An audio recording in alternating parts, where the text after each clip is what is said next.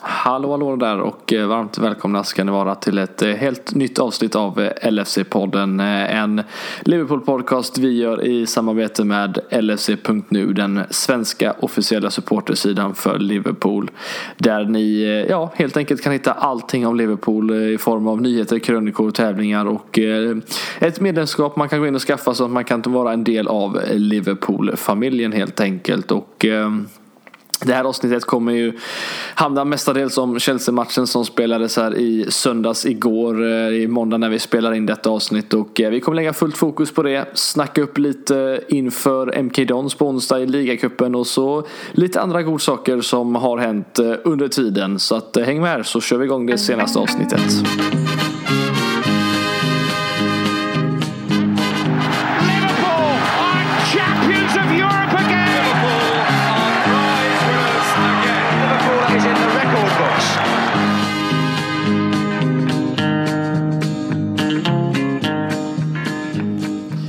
Yes, då sitter vi eh, här igen med ett eh, nytt avsnitt eh, av LFC-podden och det känns ju precis som ja, de andra avsnittet under den här säsongen känns det ju alldeles underbart att sitta här och prata Liverpool. Det rullar på precis som vi hade hoppats och eh, efter den här gången så dessutom en, en, en vinst mot ett av våra eh, storlag i den här ligan. Så det känns ju alldeles utmärkt att kunna sitta och diskutera detta. Och vi har ett eh, fullmatat avsnitt som vi eh, ska gå igenom här under eh, närmsta 45 timmen här ungefär. Och vi kommer snacka Chelsea såklart men även snacka upp lite inför eh, matchen mot MK Dons på onsdag. Men eh, ni vill nog inte höra mig sitta här själv och diskutera detta så jag tänker jag tar, tar hjälp av Christian Andersson som sitter på andra sidan linan och eh, ja, jag tar väl egentligen och, och öppnar det ganska enkelt. Hur är, hur är läget?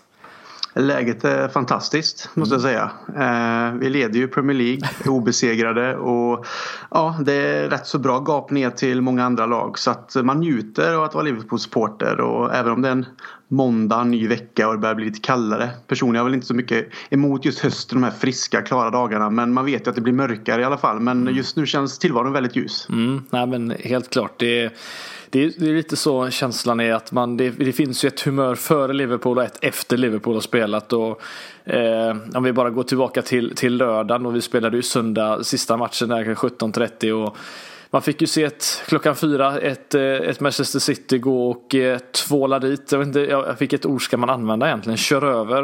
Eh, mosa. Eh, Watford hela 8-0, 5-0 efter 18 minuter. Eh, vi, vi, vet ju att de är tillsammans. Det är vi två som troligtvis kommer ligga där och, och dra eh, som, ett, som ett race i slutändan. Jag såg en liten skön tweet om att det, jag tror det var igår, då var det exakt 365 dagar sedan ett annat lag än Manchester City och Liverpool låg etta i Premier League och det säger väl en hel del om hur ja, hur bra vi, de två lagen har varit. Men eh, ja, när man såg dem göra som sagt 8-0 i en sån match tänkte man att nu måste vi fan med gå och vinna på något sätt. Även om vi hade haft ett försprång så vill man ju behålla det här fempoängsgapet. Eh, och ja, satt du och kollade på den matchen eh, och kände ungefär som jag att vad fan ska man göra nu?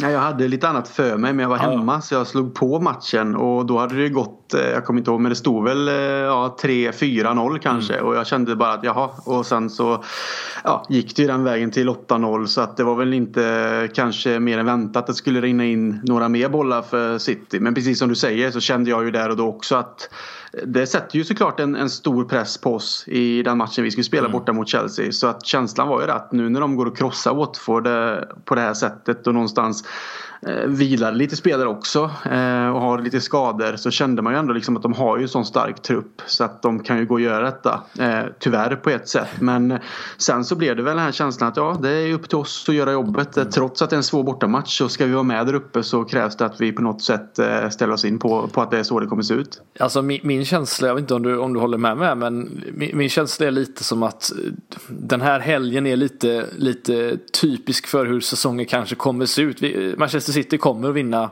matcher med flera mål, alltså med fem sex bollar i, i flera matcher än vad vi kommer göra. Vi kommer eh, gnida ut en 2-1 vinst på bortaplan mot några av de här toppkonkurrenterna. Och det är väl ungefär så här säsongen känns som att det kommer se ut och det är så här liksom det, det kommer att vara att vi kommer vinna våra matcher säkerligen men det kommer vara lite tajtare.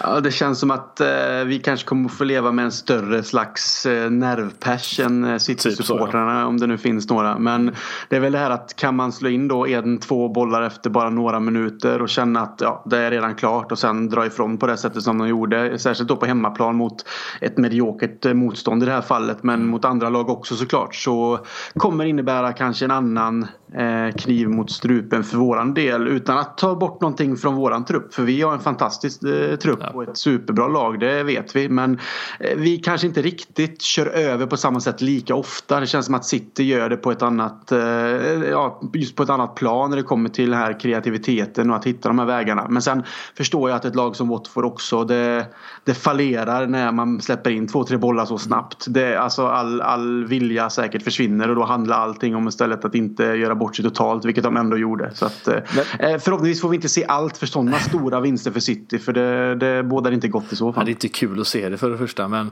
nej. men alltså, är det inte lite så också att, att eh, om, man, om man jämför, klart Watford och Chelsea är lite olika här nu, men att förlora på det sättet som Chelsea gör igår eh, mot oss eh, måste ju ta liksom mer mentalt och, och vara jobbigare än, än, på det sättet som Watford åker dit. För de vet att det är City och de, de vet att det säkert kan hända. Det har hänt andra lag. Men det här mentala att veta att du nästan kommer ikapp och ändå liksom faller i slutändan. Det måste ju vara ännu jobbigare på något sätt. Och det är ju det, den effekten vi har på lag. Vi, vi spelar bra, vi håller oss liksom jämnt under, under kanske då en hel match. Men i slutändan är det vi som drar det längsta strået och det, det är ju fruktansvärt jobbigt som motståndare att veta det att ah, vi, vi, vi, kom, vi kommer nog inte hela vägen och veta den känslan. Det, jag tror att det måste vara fruktansvärt jobbigt att möta ett Liverpool som har den effekten på lag och det, det är ju fler lag än Chelsea som uppenbarligen kommer känna så den här säsongen och det, det ser inte lika glamoröst ut som när City gör det men vi, ack, ja, det är egentligen det är lika, lika viktigt, det är lika många poäng i slutändan och eh, ja, det är skönt att kunna sitta i alla fall och, och inte prata ett kryss utan en, en, en vinst i alla fall. Det, det är väl det viktigaste. Ja, och sen kan man ju se det lite krasst med när man tänker tillbaka. att Norwich ändå slog City Precis. på hemmaplan och det är ju ett, ett nykomlingslag som eh, gav oss lite problem på hemmaplan i premiären även om vi redde ut matchen så hade de lite lägen och så så att de rådde ändå på dem på sin hemmaplan och mm. det visar ju också att City inte är odödliga om man ska kalla det så. Och sen så kommer väl egentligen nu eh, även om det kommer pratas upp som sagt när vi möter Sheffield United borta så är det vårt alltså första test när det kommer till en bortamatch mot en nykomling eh, där man då skulle kunna förhoppningsvis inte då göra en City om man ska kalla det så att man tappar poäng där. Så att det är väl lite det som är upp till bevis att har City redan åkt på en sån plump så kanske vi kan hålla oss ifrån det i alla fall eh, så, så långt det går såklart men att vi istället gör det jobbet att vi klarar av det. Och det är ju det som på något sätt kanske skapar ett självförtroende och en känsla av att det liksom går vår väg och att vi vinner de här matcherna, tar de här poängen. För som sagt City har redan åkt på det och mm, kan göra det igen trots sådana här vinster med 8-0. Mm. Ja men helt klart. Hur, eh, ja, nu, har jag, nu har jag tappat räkningar. Hur många raka Premier League-vinster har vi nu Krille? det är många, ja. det är 15 stycken. Ja. Herregud, alltså det, är, det är helt makalöst egentligen. Vi ska såklart snacka matchen också. Men alltså, om vi bara börjar med det att sex raka den här säsongen. Men alltså att fortsätta in på en annan, på, på liksom nästa säsong. Vi har 15 raka Premier League-vinster. Inte ja, ja. kryss. Inte kryss eller någonting. Det är bara tre poängare i 15 raka matcher. Det är löjligt bra alltså. Ja, jag tänker liksom att, precis som du säger, jag tänker att eh, så som vi avslutar försäsongen i Premier League i den eh, titelstriden som var fram till sista matchen och hur vi också kämpar som idioter i vissa matcher såklart som till exempel Barcelona hemma i Champions League och vi går och vinner. Alltså det, det är ju också en, ett, ett, ett, fysiskt test liksom i samma veva som vi kämpar om Premier League-titeln men att sen då gå in i en semesterperiod och det är liksom uppehåll och sen komma tillbaka till en försäsong och det är lite knackigt hit och dit men ändå sen föra över detta på en ny säsong och fortsätta den banan. Det, det är inte ofta man ser det. Det känns som att ett uppehåll egentligen är negativt på det sättet när det kommer till att ha en form och att fortsätta på en inslagen väg. Bara för att alla liksom bryter upp ett tag. Sen att man kommer tillbaka och såklart lägger upp allting för att nå en fysisk form och en mentalitet för att orka igen då och köra. Eh, Eh, det, det, gör man ju. Men att faktiskt i praktiken föra över det på de nya matcherna direkt också ta sex raka vinster från de vinsterna som var förra gången och sammanlagt få ihop då 15 raka vinster. Det är sjukt imponerande och jag vet inte, jag, jag, är inte säker men eh, var det inte någon som sa eller skrev någonting om det i alla fall att det inte har gjorts tidigare? Nej jag, precis, Nej, det, det, stämmer. Det ja då snappar jag upp det i alla fall. Rekord efter rekord, det är väl det ja. vi kan snappa upp. ja, det är, inte, det, det, är så jäkla mycket som man kan inte hålla reda på allt. Nej, precis. Men om vi skulle ta och eh, diskutera det lite som hände killar. Det finns ju en hel del i den här matchen att, eh, att ta med sig. Vi eh, Eh, som sagt kom in i den här matchen med, med då, eh, de förutsättningarna att, att City vann och vi vill gärna behålla det eh, ja, greppet på dem med fem poäng. Och hur, hur, var din känsla inför matchen? Vi kom ju från ett, ett, en 2-0 förlust mot Napoli borta, en riktigt tung sådan eh, där vi inte riktigt, ja fortfarande bättre än förra säsongen hur det såg ut men fortfarande faller i slutet av matchen och, och får inte riktigt till det. Men hur, hur kände du inför den här matchen? Att, eh, att fanns det någon revanschsuget Liverpool eller var det liksom mer att äh, vi, eh, det här var en förlust, vi kommer, eh, ja, vi kommer kunna eh, kicka tillbaka där?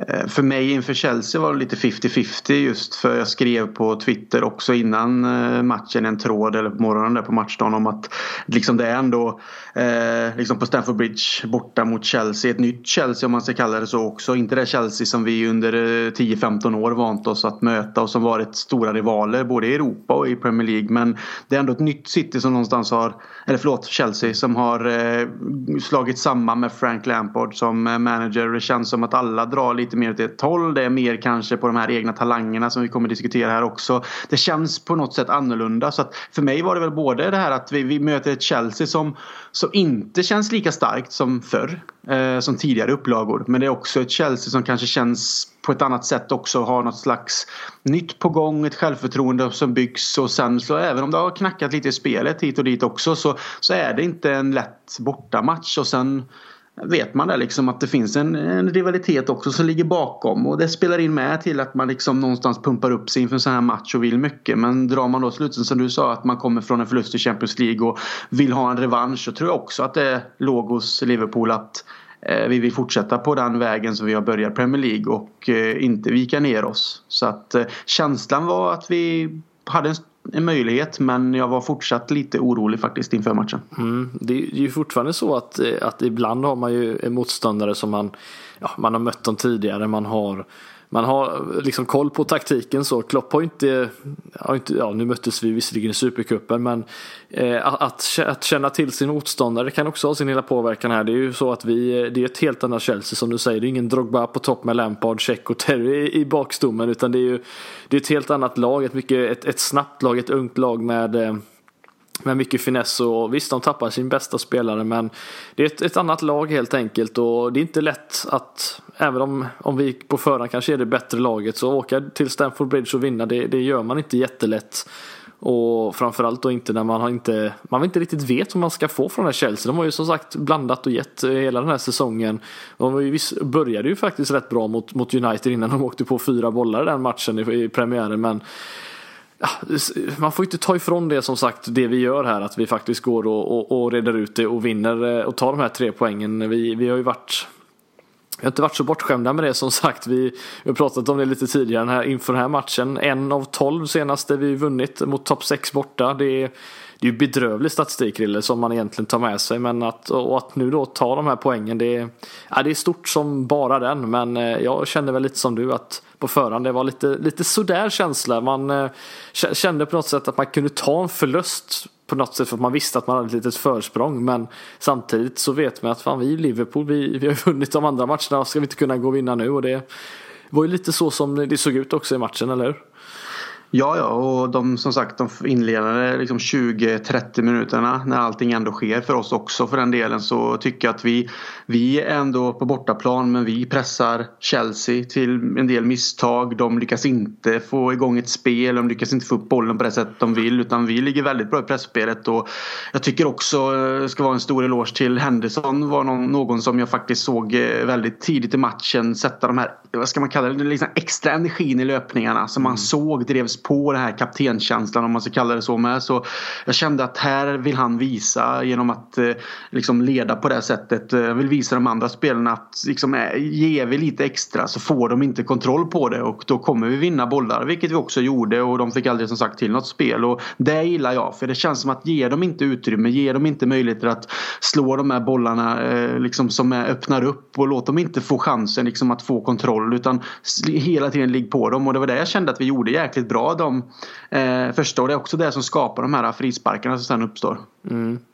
Det, det, det, är ju någonting som sagt som är eh, någonting jag tycker vi definitivt behöver prata lite mer om. Alltså de frisparksvarianterna, jag har inte sett dem förut riktigt men just det här med Liverpool och fasta situationer. Jag eh, såg lite statistik under matchen att Eh, Firminos 2-0 mål om vi, ja, vi hoppar lite framåt här men vi ska ta Alexander Arnolds mål också. Men det, det är alltså det 34 målet eh, eh, vi gjort på under, ja, under Klopp det måste det varit på, på fasta situationer. Det är fler, sju, ja, sju fler än något annat lag egentligen och det säger en hel del. Vi har inte alltid de längsta spelarna som är uppe i boxen och, och, och nickar men vi har väldigt viktiga spelare där framme som, som ja, kan avgöra och i det här fallet så Snygg frispark, eller fantastisk frispark. Och så Firmino som, som nickar in den. Det är, ja, det är ett, ett annat Liverpool. Jag vet inte om jag kan komma ihåg ett Liverpool tidigare som var så duktiga på fasta situationer som det här laget är. Jag vet inte om du kan göra det heller. Men det här laget är ju definitivt något alldeles extra.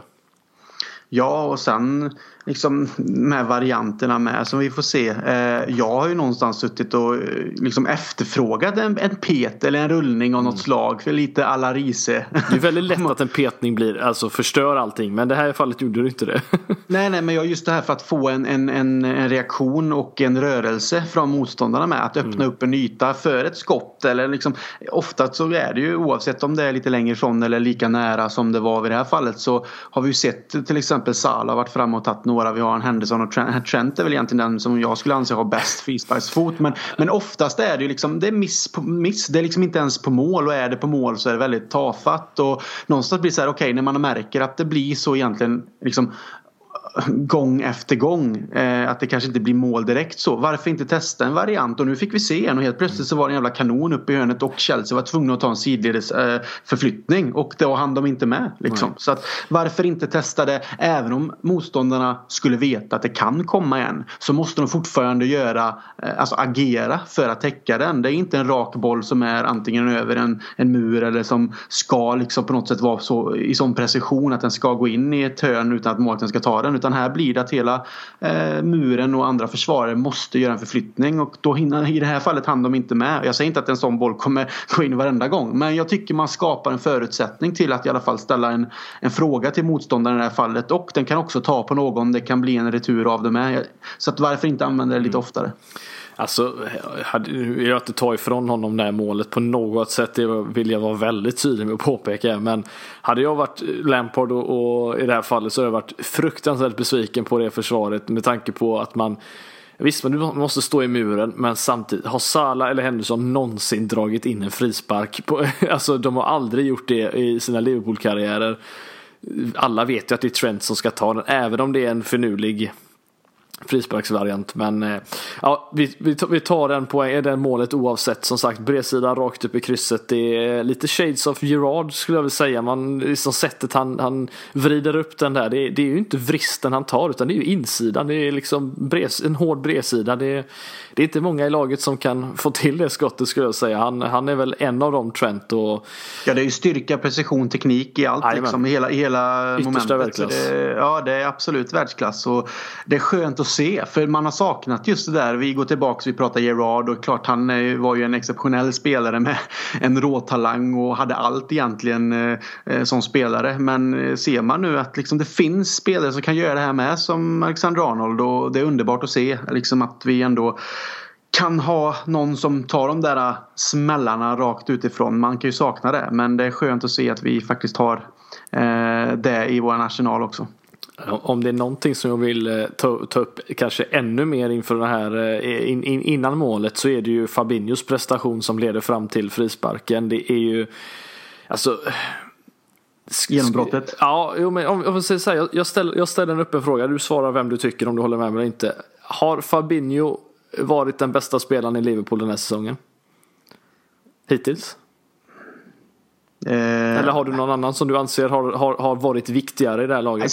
Nej, inte om man ska se viktigare för laget så håller jag med dig om att Fabinho har vuxit något enormt bara på, eh, alltså även om han var riktigt bra i slutet av förra säsongen och så, så känns det som att de här första inledningsmatcherna den här säsongen så har han blivit en vägg och det var också någonting jag nämnde där i min tråd på Twitter att får han bara liksom utrymmet att vara den här väggen med att de andra eh, mittfältarna pressar och han får stå liksom och, och bryta eh, motståndaranfall och, och använda sina spindelben och vara den där, just den där väggen så, så kommer Chelsea få det svårt och det bevisar han ju även i den här matchen men det som han faktiskt som du kom, nämnde här också som han gjorde här jag tyckte han också var annorlunda offensivt jämfört med innan. Men här gjorde han också det här genombrottet som ledde till den här frisparken. Men jag tycker som du säger, han har växt ut till en av Premier Leagues eh, absolut bästa defensiva mittfältare utan tvekan. Världens. Världens bästa. Nej, en av, en av världens. ja. eh, Nej, men jag håller med dig. En av dem absolut i många toppen. andra. Nej, men det, jag, jag, måste säga att jag, jag, tycker absolut att han har, han har visat, eh, visat som sagt vara, sig extre, vara väldigt viktig. Eh, han har varit matchavgörande i många fall. Om vi säger så att det finns ingen statistik eller fakta på att han har varit avgörande, men han har stoppat så många chanser eh, åt, eller ja, uppspel kanske vi ska, snarare ska säga, som kan bli målchanser. Vilket i lika gärna kan resultera i ett baklängesmål. Han har varit så extremt viktig på att stoppa de där innan det blir en chans. Och det, det, vi har inte sett det på tio år sedan Mascherano lämnar mer eller mindre. Och det är precis en sån spelare som, som man vill ha på mittfältet och precis som vi fick se även här då att driva bollen framåt mellan två spelare och hitta den passningen fram till Mané. Det är, det, det, är för mig nästan lika snyggt som, eh, som eh, avslutet på något sätt. Men det bygger upp hela grejen. Men eh, nej, ja, vi får se vad lyssnarna säger. Vi kanske ska slänga ut den frågan efter avsnittet och se vem de tycker har varit bäst den här säsongen. Men jag skulle nog vilja säga att, att Fabinho har varit eh, ja, kanske bäst av alla. Men, jag, kan, jag kan tycka att det finns en skillnad på att vara bäst och viktigast om du förstår vad jag ja, menar. Men jag tycker han har varit äh... både, både och faktiskt. Ja, ja. Alltså, kollar man på hur, visst van Dijk och Matip, Matip har ju nästan varit bättre än van Dijk den här säsongen på något sätt och det säger ju en hel del om hur, hur, hur bra Matip har varit och van Dijk har inte varit dålig bara att han inte varit Ja, han har något stuckit ut på samma sätt som han gjorde förra säsongen och det, och det är inget konstigt med det men Fabinho har, eh, nej, han har tagit stora steg enligt mig och är både viktigast hittills och, eh, och bäst men eh, Ska man hoppa händelserna i förväg där då så är det lite synd då när jag nu sitter och pratar och hyllar honom så får ju någonstans lite kritik eh, när Chelsea gör sitt mål. För då är det en väldigt passiv... Eh, väldigt. In, alltså en situation där han är väldigt ja. passiv och har egentligen möjlighet att på någonstans störa Kanté. Så mm. det är väl någonting vi kanske kommer till här med. Men bara för att dra de parallellerna. Att han har ju varit hur bra som helst och han har vuxit ut. Men eh, det finns vissa delar där med där man tycker att så får det inte se ut. Nej precis, nej men du är helt rätt. Eh, nej, men som, som du nämnde där, första halvleken Eh, fantastiskt bra. Eh, det är visst, det är mycket fram och tillbaka spel. Eh, vi kontrollerar ju deras uppspel i form av att vi antingen ställer dem offside, eh, ja, förutom ett läge då som vi kanske vi kommer komma till snart också. Men eh, vi gör det svårt för dem att skapa lägen. Eh, men just den där räddningen som, som vi får se Adrian göra innan vi gör 2-0 målet. Det är någonting som vi kanske behöver belysa lite extra. Vi, eh, Adrian som målades upp lite som att det finns inte en chans att han kan rädda oss på samma sätt som Alisson har gjort. Men eh, i den här matchen och som många andra tidigare så står han för, i det här fallet, en, en matchavgörande räddning. Eh, vad, vad, vad, har vi att säga om Adrian egentligen? Eh, ja, helt fantastisk i, i, i de här viktiga eh, ögonblicken den här säsongen. Absolut och det är ju bara om man ser räddningarna han gjorde mot Napoli. Även om vi då ja. förlorade den matchen så ser man liksom räddningen i sig är ju yttersta världsklass. Och sen som du säger, han har liksom räddat oss några gånger. Han uh, har liksom varit där när, han, när det behövs och gjort det jobbet. Och även om han inte kan ersätta en alldeles rakt av så har han ersatt honom med bravur tycker jag. Och det som du säger, han gör en räddning här nu när, uh, antar att det är när Abraham kommer, Abraham, ja. uh, ja, kommer uh, eh, frispela där. Och även om avslutet kanske inte är super så visar ju Adrian att han håller ut, läser honom och står kvar liksom. Mm. Och det är ju också det att han, han gör räddningen och det bidrar ju till att vi eh, inte då släpper in ett mål och att vi får lite mer luft under vingarna där. Samtidigt då såklart att eh, Chelsea får ju ett mål bortdömt också då för offside Precis. genom VAR där med ska man ju ändå tillägga. Eh, för det var ju ett riktigt sånt eh, fun moment där man liksom ja. svor högt. Men jag jag, jag kan säga min känsla var att min, min, känsla var direkt när de gör det målet att det är någonting skumt här. Det, det kommer bli avblåst. Det var min första känsla. Ja, det, Inte för att jag tyckte Mount såg offside ut i, i, i, realtid men det var någonting som kändes att Liverpool liksom satte upp någon hand, någon satte upp någon hand sådär och det visste kan de göra ibland men, eh, nej, men det, var, det var en eh, det var lite för mycket hönsgård för att jag skulle hinna uppfatta eh, allt. Även om det var mer i tidigare skede så hände det så jäkla mycket i den situationen så att man var inte riktigt med. Men ja, där fick vi ju VAR på våran sida. Eh, är det första och, gången den här säsongen vi har fått ett mål bortdömt på det sättet för, eh, i vår förvärv? Faktiskt ingen aning men Nej, det, det låter så. troligt. Spontant känns det så men jag kan ha fel. Ah, ja. och, och, det är skönt att det används i det syfte det ska och jag kan ju känna att eh, den här gången gick det vår väg. Eh, man kommer ju sitta där och svära när det är vårat mål som blir bortdömt nästa gång. Så att man får hålla det lite sådär. Okej okay, nu fick vi med oss det här, det var viktigt och så får man hoppas att eh, det tar jävligt lång tid innan vi kommer i en sån situation. En sak som vi måste kanske bara tillägga innan vi går vidare från, från första halvleken här det är att eh, du, du nämnde det med att det inte var det bästa avslutet om man kollar dem, eh, och jag håller med, det finns säkert eh, bättre sätt att avsluta på, men kollar man hur Tammy Abraham har avslutat eh, några av sina mål den här säsongen så har det varit en ja, någon meter högt avslut i bortre hörnet. Eh, han gjorde ett sånt mål mot, eh, mot Wolves, han gjorde det även mot Norwich om jag inte minns helt fel. Jag tror att det där är precis vart han vill lägga den för han har gjort mål där tidigare och Adrian sätter upp det benet precis där han ska ha den. Så att eh, ja, jag vill nästan claima att det där är ett, eh, en, eh, en smartare räddning än vad vi tror faktiskt. Eh, vi kanske ska fråga Adrian eller Akterberg och de här och se vad de säger men jag tror att det där är det är, det är en, en, en bättre räddning än vad många tror faktiskt. Eh, skulle jag säga med tanke på att han, han vet nog precis var han ska lägga den men det han gör bra är att han kommer ut och gör sig stor och han står mm. kvar. Så att absolut, ja, det har du säkert någonting eh, faktiskt eh, på, är du är någonting på spåren där. Att men du scoutar inte har... Abrams som jag gör. Det, det Nej, okay. och det är klart att de har granskat hur han har avslutat, hur han har spelat, hans rörelsemönster, hur han, eh, när han kommer i lägena, hur han avslutar. Absolut. Eh, eh, men samtidigt så känner jag att det fanns. Jag trodde faktiskt att han skulle avsluta lite annorlunda i det läget. Men det är klart, det blir, det blir tight. Det blir liksom väldigt eh, dålig yta att på något sätt få en boll runt eh, Adrian där. För han kommer ut så snabbt så han gör det absolut väldigt bra. Och som du säger, han, han läser honom och kanske har på känn vad som kommer ske. Så att eh, den, det ger jag dig. Det är inga konstigheter. Men eh, om, om första halvleken såg eh, ja, okej okay eller, eller bra ut då, om vi säger så, bättre än eh, en, bra, en bra bortamatch om vi får säga så då. Eh, Leda med 2-0 borta ja. mot Chelsea kan man ju inte klaga på. men spelmässigt var det fortfarande fram och tillbaka. Men absolut, 2-0 det är helt klart, det är helt rätt på, ett, eh, på det sättet att göra det borta mot Chelsea. Men vad händer i andra halvlek egentligen? Ja, vi eh, Alltså är, alltså, det, är det en kombination av att, att vi leder med 2-0 såklart, vi behöver inte gå fram på samma sätt men när, man, när man ser mönstren börjar liksom att oj nu är Alonso rätt ensam ute på den här vänsterkanten väldigt många gånger. Väldigt mycket inlägg han får slå och det är nästan för enkelt de får komma fram och framförallt hur mycket panik det är i, i våra uppspel.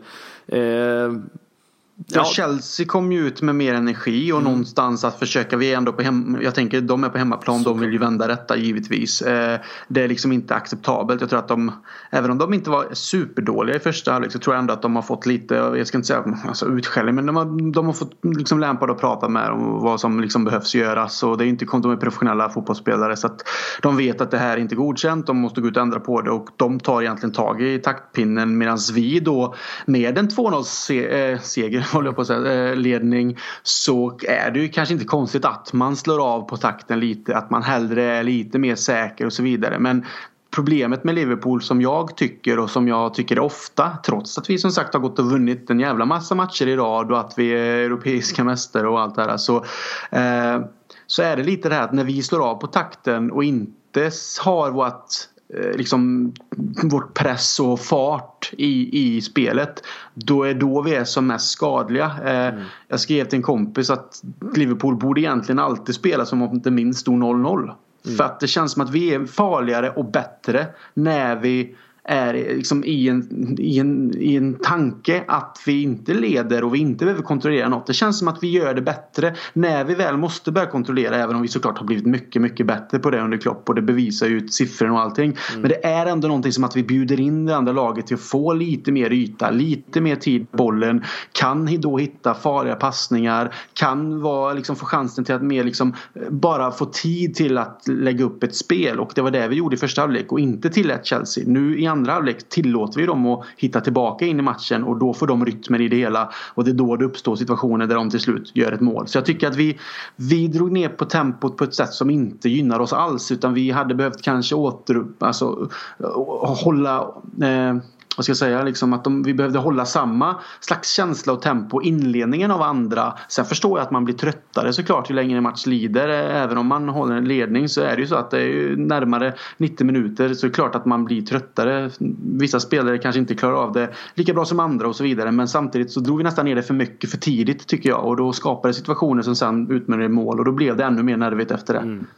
Alltså det, det, är ju skillnad på att liksom sänka, eh, sänka på farten lite och, och ta, inte ta tag i taktpinnen och sen att sluta spela överhuvudtaget. För det var lite så det kändes som att det var lite i andra halvlek. Jag, jag vet att jag var väldigt kritisk under matchen, i alla fall i andra halvleken och Eh, fick lite mothugg på det och jag, jag förstår att, att jag menar, vi går och vinner den här och det, det kommer se knackigt ut på bortaplan mot Chelsea. Det kan göra det. Eh, jag tror väl att, att följa Manchester City som vår största konkurrent får en att bli lite skadad på ett sätt. För man förväntar sig att ett lag som hamnar en poäng bakom dem föregående säsong ska spela på samma sätt och vara lika dominanta. Men det är inte så vi fungerar. Vi spelar inte fotboll på det sättet som de gör. Eh, men det är framförallt det här med att vi fick se ett, ett, ett byte i att Mané gick ut. Han fick en, en skada som eh, inte verkar vara alltför allvarlig men fortfarande var tvunga, ja, tvingade honom att gå ut. In kommer en James Milner som egentligen inte är inne på plan på något annat sätt än att eh, än att ta plats eller att, att pressa och liksom tackla. Och, ah, ah, det finns inget riktigt stort syfte när han kommer in. Som jag känner att han bidrar till, till någonting bättre. Vi fick se en Wijnaldum ta en ytter, ytter eller en winger-position i det fallet. Och alltså, mittfältet som sagt såg bara väldigt stressat ut igår. Det var, det var mer eller mindre tjonga bollen upp och sen hoppas att Salomon Mané eller Firmino skulle ta tag i den. Och om man säger så här, är, är det, behöver det verkligen se ut så? Det är det min, min, min spontana känsla är att finns det inte något sätt vi kan göra det på ett annat sätt? Kanske vinna boll, dra ner på tempot i form av att, eh, ja, nu maskade vi tyvärr alldeles för tidigt igår och fick åka på gula kort för det, men just det här med att vinna lite inkast högre upp på banan, eh, liksom ta ner tempot på det sättet snarare än att, att maska. Det känns som att det måste finnas ett annat sätt att göra det på. Eh, men det är klart att, som du säger, de blir trötta. Eh, men jag är fortfarande lite besviken på hur, hur mittfältskonstellationer fungerar i sådana här situationer. Att det det blir alldeles för panikartat. Alla bara slår långa bollar och så finns det liksom inget Inget, inget sammanhang i, i, i liksom vår speluppbyggnad överhuvudtaget. Det är, det är bara långa bollar som gäller och eh, det är väl det jag är mest kritisk mot antar jag eh, i den här matchen. Eh, jo men om vi ser första halvlek så vann vi mycket dueller på mittfältet. Mm. Jag tyckte som sagt Då stod vi högre upp mycket, också. Ja, ja, vi stod mycket högre upp och vi satte press och Henderson vann mycket bollar och vi hade kombinationer av pressspel med till exempel Fabinho och Henderson där de vann bollar tillsammans. Kanske inte vann i första läget men pressade så pass att andra spelaren eh, oavsett vem det var kunde vinna bollen och ta över och sätta igång ett spel. Jag tycker som du säger att det finns ju andra sätt att dra ner tempot på. Jag menar med 2-0 så behöver ju inte alltid bara anfalla och slå upp bollarna heller utan det går ju faktiskt att behålla inom laget, dra ner tempo på det här sättet. Låta Chelsea springa lite mer. För det är som du säger, jag tyckte att när vi väl fick bollarna så var det som väldigt snabbt upp till vår mm. fronttrio som fick slåss mot stora backar liksom mm. i Chelsea. Och vi, även om de är spänstiga och duktiga så är det inte lätt att vinna alla huvudbollar liksom, som kommer upp så på det sättet. Eller springa i djupled hela tiden. Det tröttar också. Även om vi har snabba spelare i Mané och Salah inte minst. Så det är klart att får de långa bollar som de måste springa efter som ändå är så pass långa att de går till Kepa ändå. Så jag menar, ja, det är inte det, är inte det spelet vi spelar utan är det så att vi känner att vi inte riktigt får till anfallsspelet, vilket vi inte riktigt behöver heller på grund av att vi leder med 2-0 så är det väl bättre att se liksom, behåll lag, eh, bollen inom laget, ta det lugnt och hitta eh, liksom möjligheterna när den väl uppstår. Få Chelsea att röra på sig, att trötta ut sig så att det uppstår ytor. Men nu kändes det mer som att vi, de gångerna vi eh, vann bollen så var det direkt upp istället för att bara okej okay, nu behåller vi den och, och, och tar tag i det själva. Vi lät liksom dem vinna boll igen genom att slå bort bollarna och så fick de sätta igång anfall igen och så fick vi försvara och så gjorde vi om det. Och, eh, ja, och samtidigt så tycker jag då vissa gånger som Sala, jag förstår ju hans, hans roll är liksom att han är snabb, han är eh, en världsklasspelare men det känns som att ibland borde han, han bara hålla tillbaka lite. Nej men han borde hålla tillbaka lite. Han behöver inte alltid utmana sin spelare. Jag förstår att han vill göra mål. Jag förstår att, eh, att, att vinna matcher med ännu större siffror, självförtroende och allt sånt där. Men vi leder med 2-0. Du behöver inte alltid med boll utmana din back. Du kan faktiskt ta emot den, kolla upp, spela en liten boll tillbaka till mittfält eller till din ytterback eller vad som helst. Bara behålla den. Men han tappar faktiskt mycket boll när han försökte ta sig förbi för de skötte honom väldigt bra och han var ju inte ja, i sin bästa form. Tomori var riktigt bra igår mot Salah måste vi säga. Jag kände så att varför hela tiden anfalla? Vi leder med 2 istället för att då eh, anfalla, tappa boll och låta dem få anfalla direkt och att vi då är på väg upp med laget och sen helt plötsligt måste ställa om och jobba tillbaka för att han tappar bollen. Mm. Så kändes det som att liksom, ta emot bollen, avvakta, behöver inte utmana, hitta ett annat passningsalternativ, slå över liksom, så att spelet kommer över på andra sidan eller vad som helst för vi behöver inte jaga, vi leder ju. Mm. Så där blev jag faktiskt lite frustrerad på Salah igår att han hela tiden försökte när han inte var tvungen. En annan grej om det står 0-0 eller vi ligger under att ja då måste vi anfalla. Vi måste göra mål här för att ta poängen men i det här fallet så, så kändes det liksom att vi behövde inte det här och sen såg man ju då såklart att eh, det här passiva mittfältsspelet då när Kanté eh, rann igenom och satte den här fina, fina bollen i mål som han ändå gjorde. Han är ju en fruktansvärt bra fotbollsspelare Kanté. Men eh, det är ju liksom det här liksom att även om vi fortsatte ledde med 2-1 så var det fortsatt som att vi liksom höll på att anfallas. I alla fall på Salas kant. Jag tycker inte Mané var lika eh, ivrig på det sättet. Eh, men Salah tappade mycket boll och han kändes inte alls till sin rätt igår. Nej. Nej men som sagt det, det, det blev lite panikartat det, såklart. Det är lite sena byten, lite, lite konstigt att han höll det längre med tanke på att när väl han valde att byta, i, byta in exempelvis Gomes och, och, få ut Trent som wingback och kanske gå på en fembackslinje då var det ja då hade de ju redan fått mata lite inlägg och, och då hade de ju redan haft ett bra läge på Batshuayi som nästan nickade in ett, ett 2-2 men samtidigt Krille får vi ändå säga som, som vi var väldigt tydliga med i början av avsnittet att vi vinner den här matchen väldigt imponerande i slutändan ändå trots att Chelsea inte är det Chelsea som, som vi sa att de, de har varit tidigare. Men de har egentligen bara en riktigt, riktigt bra målchans efter det här 2-1 målet som Kanté gör. Hatten av får vi ändå ge honom på det. Eh, och det är ju Mason Mounts läge där han får ett tidigt inlägg och, och, med vänsterfoten drar den långt över. Det där är ett fruktansvärt bra läge och vad är det, två, tre minuter kvar av matchen ungefär eller ja, i alla fall av, eh, av innan, eh, innan stopptiden.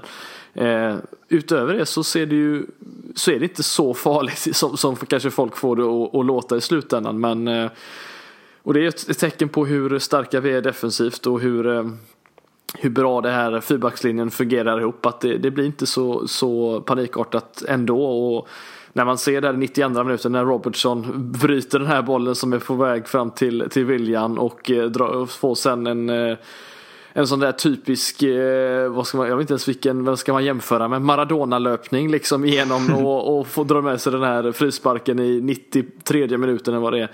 Alltså det är ju det är den typen av känsla som vi, som vi verkligen behövde få där i slutet av matchen. Vinna frispark högt och så kan man andas lite sen men eh, ja det var ju skönt att vi fick eh, reda ut det i slutändan i alla fall men eh, tre poäng det är väl det, är väl det som räknas. Ja, ja, och det är det ju alltid oavsett hur man egentligen ja. eh, hur man vinner de tre poängen. Jag menar det, det kan vara oerhört vackert över en hel match och vi kan göra fyra fem mål liksom och spela underbar fotboll. Det kan vara som i det här fallet en halvlek som är, eh, skulle jag säga, mycket bättre än andra halvlek som är mycket sämre. Men samtidigt så får man inte ta någonting ifrån helhetsinsatsen. Precis som du säger, vi går och vinner. Vi liksom kämpar oss till de här tre poängen. Vi leder med 2-1. Vi får lite eh, tryck på oss, eller relativt mycket tryck på oss, men vi reder ut det. Vi är ändå starka. Man önskar att vi då i vissa situationer skulle ta tag i lite bättre, reda ut det och hinna andas lite. Vi lyckas inte riktigt. Men i slutändan så står vi ändå där som vinnare. Så att, att jag kommer inte ta någonting från själva helhetsinsatsen utan det viktigaste är att vi, vi, höll ut, vi höll ut och vi vann. Vi fick tre poäng och vi leder Premier League. Sen är det klart att man kan önska delar av matchen där man ser att fan nu händer det saker. Nu, nu, liksom, nu är vi inte bra. Nu gör, känns det som att till exempel Salah gör lite fel eller vi tappar boll på det här stället. Det känns inte som att vi riktigt är i, i fas liksom lagmässigt. Men så kommer det ju se ut vissa matcher. Eh, liksom, som jag sa, vissa matcher kommer vara fulländade rakt igenom. Det har ju vi sett Liverpool göra många gånger. Men vissa matcher kommer krävas lite mer och lite tur också. Och då är det de här tre poängen. Och som du säger, i slutändan är det det som räknas. För det är liksom en, en typisk mästarseger som man kan kalla det. Och sen jag vet, vi, vi var många som använde på sociala medier igår ja, också. Och det är ju den känslan det är. Det är sådana här matcher man behöver vinna för att förhoppningsvis i vår kunna stå där med en titel. Då behöver man ta de här tre poängarna på, de här, på det här sättet. Liksom. Vi vet att det kommer kanske krävas mer av oss på, det, på just det sättet. Precis som du nämnde innan. Jämfört med City då. För att det är liksom en helt annat sätt att spela fotboll. Så att eh, vi får väl vänja oss att det kommer se ut så här ibland. Så är det. Vi får inte glömma att vi kryssade där förra säsongen vilket Ja, nu kom vi undan lindrigt där med ett sent mål av Sturridge eh, som, som eh, gav oss sättet. men eh, det är ju det är en, ja, två poäng mer än vad vi hade i föregående år på samma, i samma match. Så det får man ändå räkna som en, en framgång i det här fallet. Men eh, som sagt, det är, jag vet inte riktigt hur mer, mycket man kan prata om det mer Men som, sex raka vinster nu. Eh, rullar på eh, bra. Eh, nu är Sheffield borta nästa match. Så det, det är en utmaning i sig. En, en annan tuff bortamatch. Men eh, den ska ju också vara något vi ska se fram emot att kunna vinna. Men eh, vi har ju match däremellan som sagt Krille som Eh, Eh, kanske inte lika viktig på samma sätt men för vissa spelare kanske den är, är viktigare med tanke på att det handlar om att, att visa upp sig. Det är ju MK Dons vi, eh, vi möter på på onsdag är det väl här och eh, vi kan väl nästan eh, säga redan på förhand att det kommer nog luftas lite spelare inför den här matchen eller vad känner du? Ja, och det bör det göras också så att det eh, tror jag säkert att vi kommer få se en helt, en helt ny startelva. Vilket jag ser fram emot också för den delen. Eh, det ska bli kul att se lite andra spelare. Så att eh, nej, jag ser faktiskt fram emot matchen på ett underligt sätt. Även om man vill ha Premier League-matcher hela tiden för att vi just nu är inne i sån fas. Så någonstans ska det bli intressant liksom och se mm. vad, det, vad de andra kan visa upp. För att någonstans också bevisa för Jörgen Klopp att de kanske ska vara där och peta på en startplats i de större matcherna. Mm. Nej, jag sa det till, till Robin, eh, våran, eh, våran kollega innan vi började spela in här att eh, att man är så van att i sådana här matcher så heter spelarna Pacheco eller liksom Jordan Rossiter men nu är det liksom andra namn vi, vi pratar Man är liksom exalterad över att se en Brewster eller en Ja, egentligen bara få se typ en Oxley Chamberlain eller en Keita eh, eller en Shakiri få spela. Det är liksom helt andra namn den här gången än vad det har varit tidigare och det säger väl en hel del som säger också lite så här småsugen på att se en sån här match. Tidigare har man inte varit riktigt lika. På, ja, klart man vill alltid se Liverpool spela men det är liksom inte samma samma känsla som att se ett, ett Liverpool med med Brad Jones i mål och Flanagan på höger, högerbacken och sen Rossiter i mitten. Det är inte lika sexigt som att få in en Keita exempelvis tillbaka från skada som, som det verkar i alla fall. Det är ju kul att det börjar röra sig eh, lite där men eh, är det några speciella spelare som du känner att ah, de här borde ju ta en, en startplats mot, eh, mot MK Dons? Eh, ja, det är väl Lovren, Gomes, Chamberlain. Och om Keita är så pass spelklar så tycker jag att han borde få spela med för att få lite i benen. Sen är det väl Shakiri och Origi också för den delen. Så att det är väl Tror du egentligen... Origi klarar sig? Efter skadan? Ja, kanske är på håret. Kanske är därför Brewster får spela tänker jag.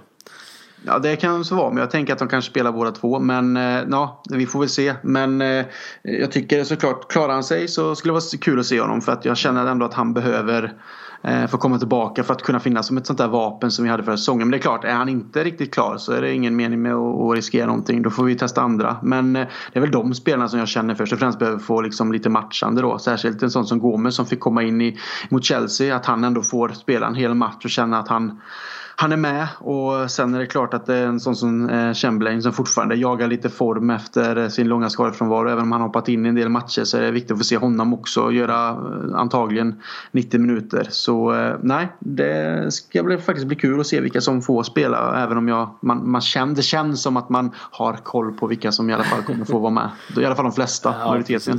Det känns, eller känns, det, det ryktas och ser ju faktiskt ut som att vi kommer få en, en, en debutant i målet åtminstone åtminstone i de här eh, i tävlingsdebut om vi får säga så. Ehm, ah, eh, Kaumin. Kaumin Keller.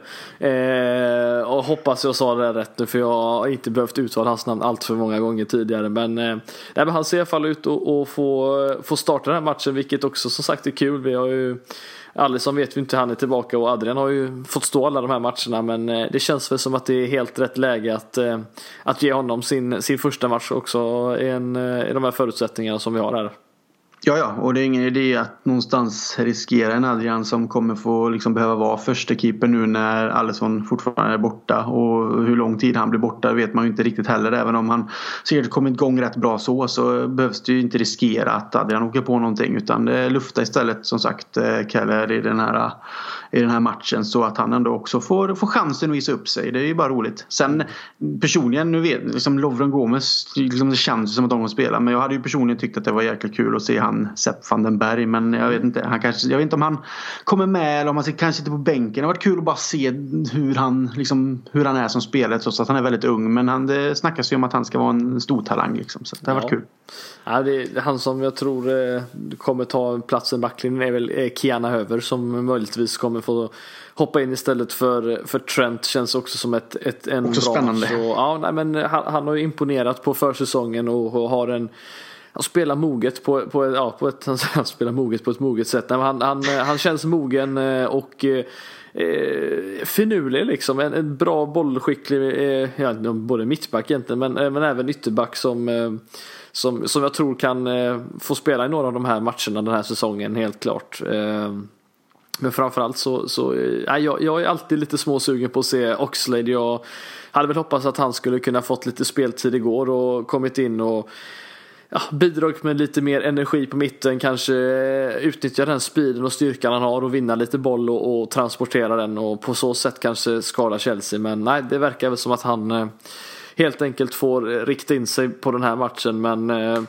Alltså, eh, MK, vi, vi vet ju att vi vill vinna titlar oavsett om det är ligacupen, FA-cupen, Champions League eller ligan. Men, eh, men eh, vad har man att säga liksom inför en sån här match egentligen? Alltså visst, vi kommer komma dit med, med bra spelare troligtvis och, och några ynglingar. Men det är inte, ja, gråter vi floder om det inte går som det, som det är tänkt den här matchen.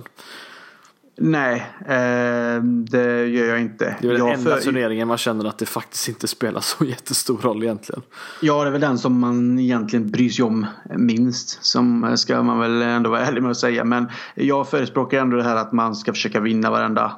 Ja, eh, absolut pokal som är möjlig är ju allting man ställer upp i. Sen hur man ställer upp i dem. Alltså jag förstår ju att det är alltid fokus på Champions League och Premier League ur både sportsliga och ekonomiska skäl. Eh, sett till vad det inbringar till klubben eh, i allt som, det, som kommer med det liksom. Sen att man eh, i alla fall jag tycker ju FA-cupen är trevlig och kanske för att jag är rätt så gammaldags i det men jag gillar det nostalgiska det, just det i den. Det är gott med FA-cupen måste jag säga. Ja, och sen eh, ligacupen då i det här fallet om man ska säga så. Eh, så eh, tycker jag att det passar bra att kunna lufta spelare och ändå alltså, såklart vill jag vinna matchen, gå vidare och så får man se hur långt det bär. Men det blir ju en turnering där man kanske får chansen att vila andra spelare för det är ett tajt jävla schema. Vi ska även spela klubblags-VM i, i, i vinter sen. igen. Så att jag menar någonstans måste man ju prioritera och välja och då kommer ju Premier League, Premier League Champions League vara fokus och givetvis kommer man vilja vinna klubblag, klubblags-VM med för de har inte gjort tidigare. Och då kanske man helt enkelt får eh, ja, vaska om man ska använda det uttrycket ligacupen och i, i, kanske i viss mån FA-cupen också eh, beroende på men Sen vill jag ju att Liverpool ska vinna allt. Eh, jag vet ju att Robin i tidigare avsnitt har varit väldigt så här att vi ska skita i de Uefa-cupen och ligacupen, alltså inhemska cupen och bara gå för Premier League Champions League. Och jag, jag, jag har full förståelse för den synen också.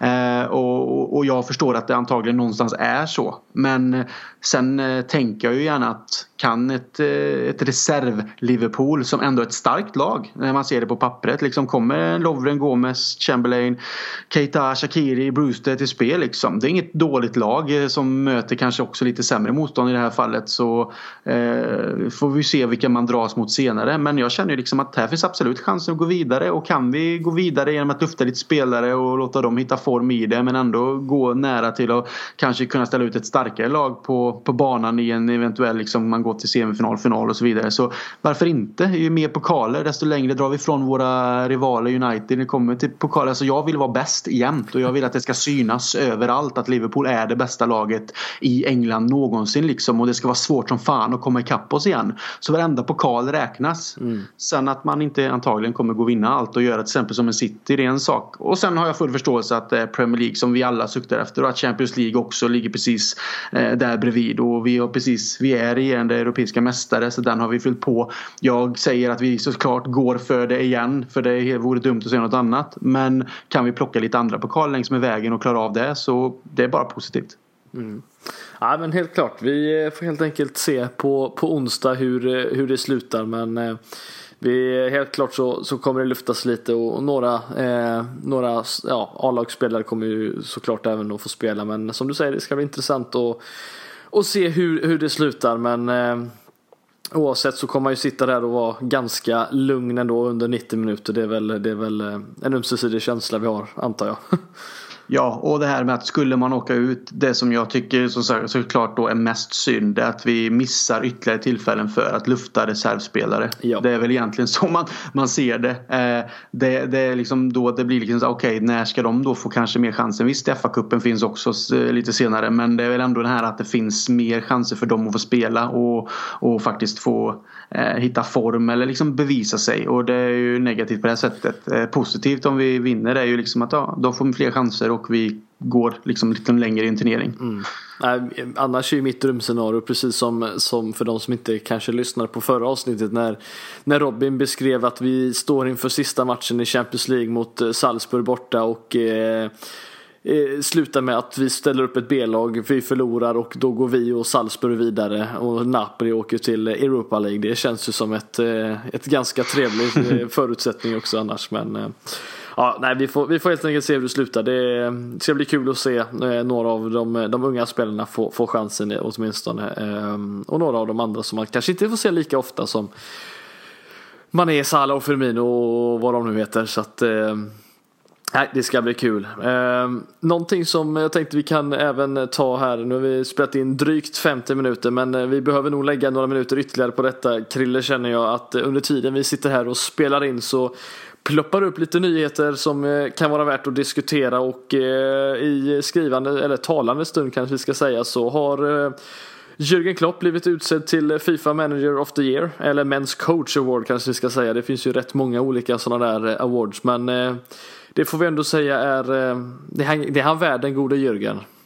Ja, ja, han är värd allt gott. Alla eh, titlar, alltså personliga titlar om man ska kalla det så. Det mm. tycker jag absolut. Ska De personliga man... känns inte som att det är lika viktigt för honom såklart. Men eh, det måste ju påverka honom på något sätt. Ja, det är ett bevis på att jobbet han har gjort och fortsatt gör är av toppklass. Liksom. Och på den korta tiden om man ändå ska se det också från att det att han tog över var i några finaler, förlorade några såklart och sen har tagit oss till Champions League-final två år i rad. Eh, förlorat en, vunnit en. Eh, han har först och främst också tagit oss tillbaka till Champions League ska man ju säga liksom genom att eh, ta Champions League-plats de första åren där och sen också då komma tvåa efter City med bara en poäng. Liksom, han har hela tiden lyckats gå gå framåt, aldrig fallit bakåt egentligen. Sen kan man diskutera, okej okay, vi hade kanske kunnat vin, vunnit någon av de här finalerna men det kanske var en lärdom i sig också han behövde för att sedan kunna till exempel vinna Champions League. Eh, och nu är han ju egentligen på väg att fortsätta bygga liksom Liverpool bara starkare och starkare. Så att det enda hemska i det här scenariot med att ha Klopp det är ju att veta att det finns en dag när vi inte kommer ha Klopp.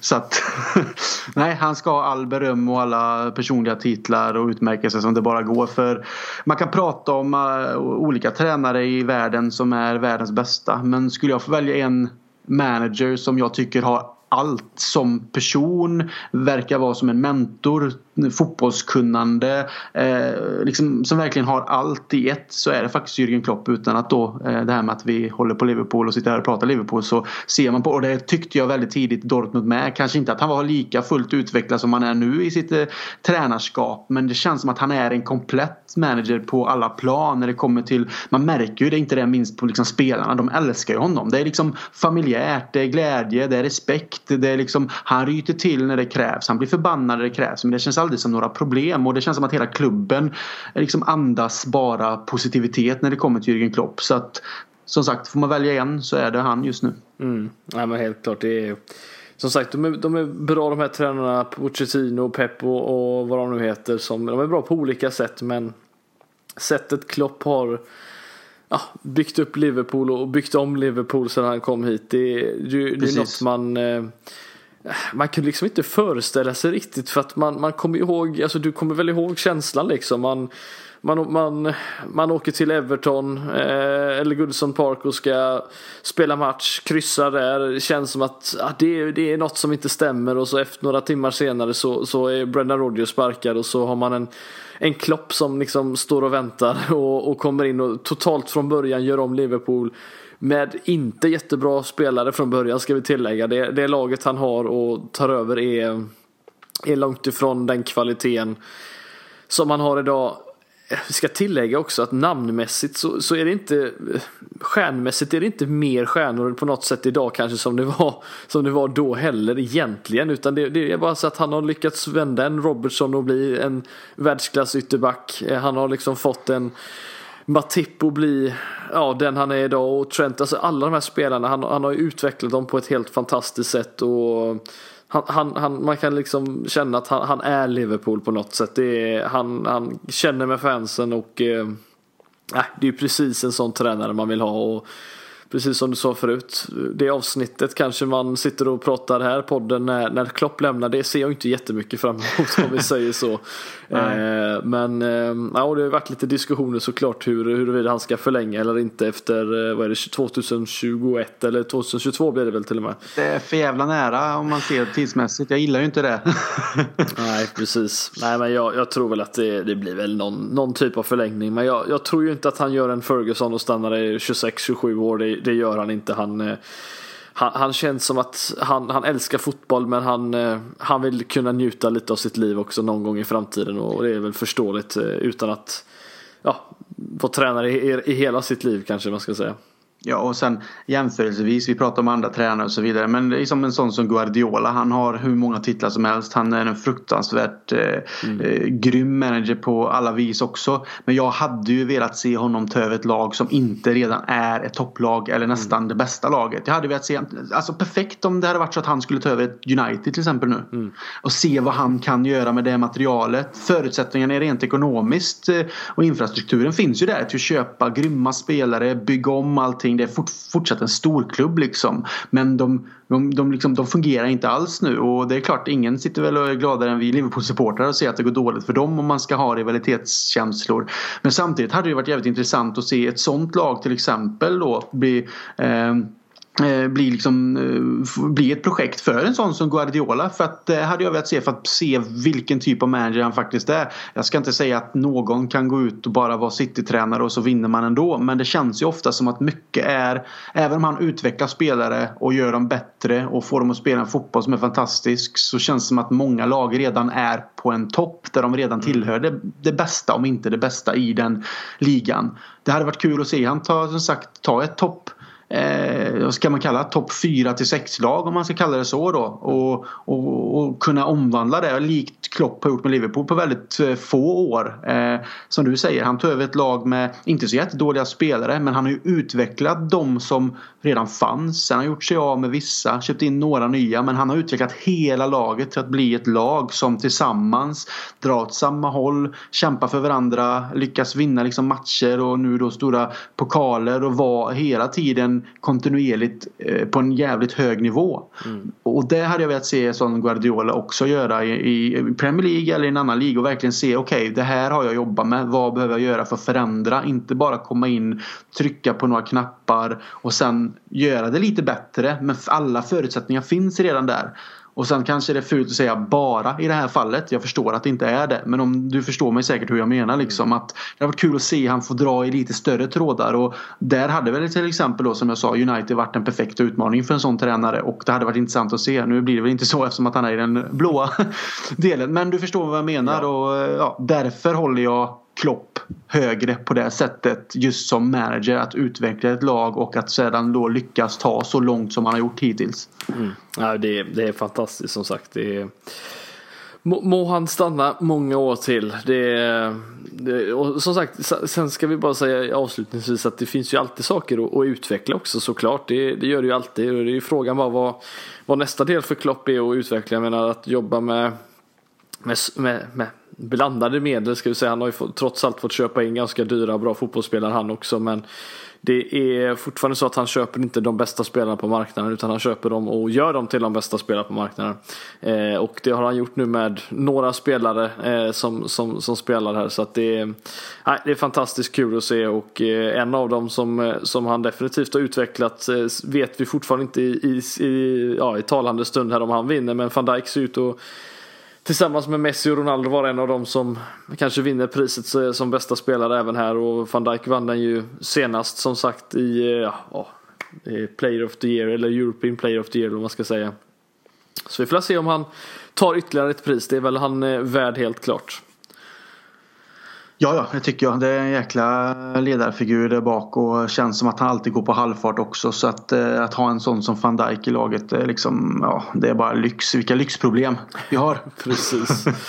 Ja, nej, men det är fantastiskt Krille. Jag eh, känner väl att vi har eh, fått med det mesta det här avsnittet. Eller känner du att det är någonting vi behöver doppa tårna innan vi lägger på locket?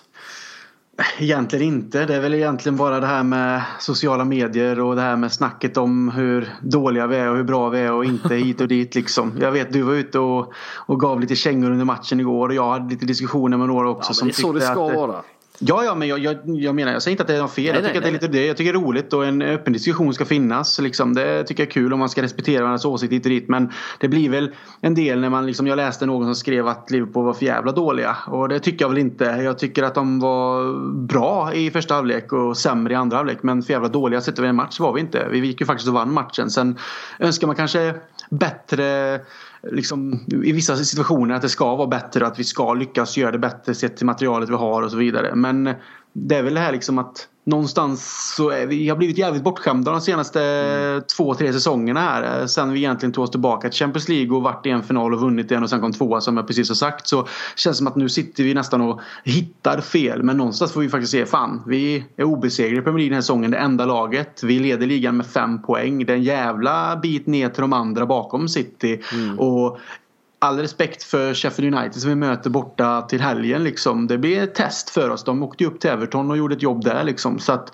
eh, absolut, men det är li, likväl kan vi stå liksom, med sjunde segern för att det är ju ett lag som man ändå tror att här är vi storfavoriter. Så att vi, vi lever i en lyxvärld just nu så egentligen man ska få klaga, tycka och kritisera eh, när, när det är befogat. Men samtidigt måste man stanna upp ibland och bara se, inse att fan det är jävligt fint, vackert att vara Liverpool-supporter och bara njuta för stunden. Mm. Sen förstår jag att känslan känslorna ibland svallar över och det är bara roligt och det är kul och så vidare. Men ibland får man stanna upp och bara inse att fan det här är kanske den bästa perioden många generationer, eh, kanske yngre då, Liverpool-supportrar har och vi vet inte hur länge det varar så stanna upp och njut. Det tycker jag att vi lämnar med de sista orden faktiskt. Du har ehm, helt rätt i det du säger Krille. Men ehm, nej, som sagt, tack för att ni har eh, lyssnat. Vi kommer eh, komma tillbaka med ett, eh, ett nytt avsnitt gissningsvis. Ja, vi vet faktiskt inte exakt än, men gissningsvis efter, efter Sheffield igen. Kanske något efter FG Dons, vi får se. Men som sagt, tack för att ni har lyssnat. Vi hörs helt enkelt ja, snart igen. Ha det bra nu.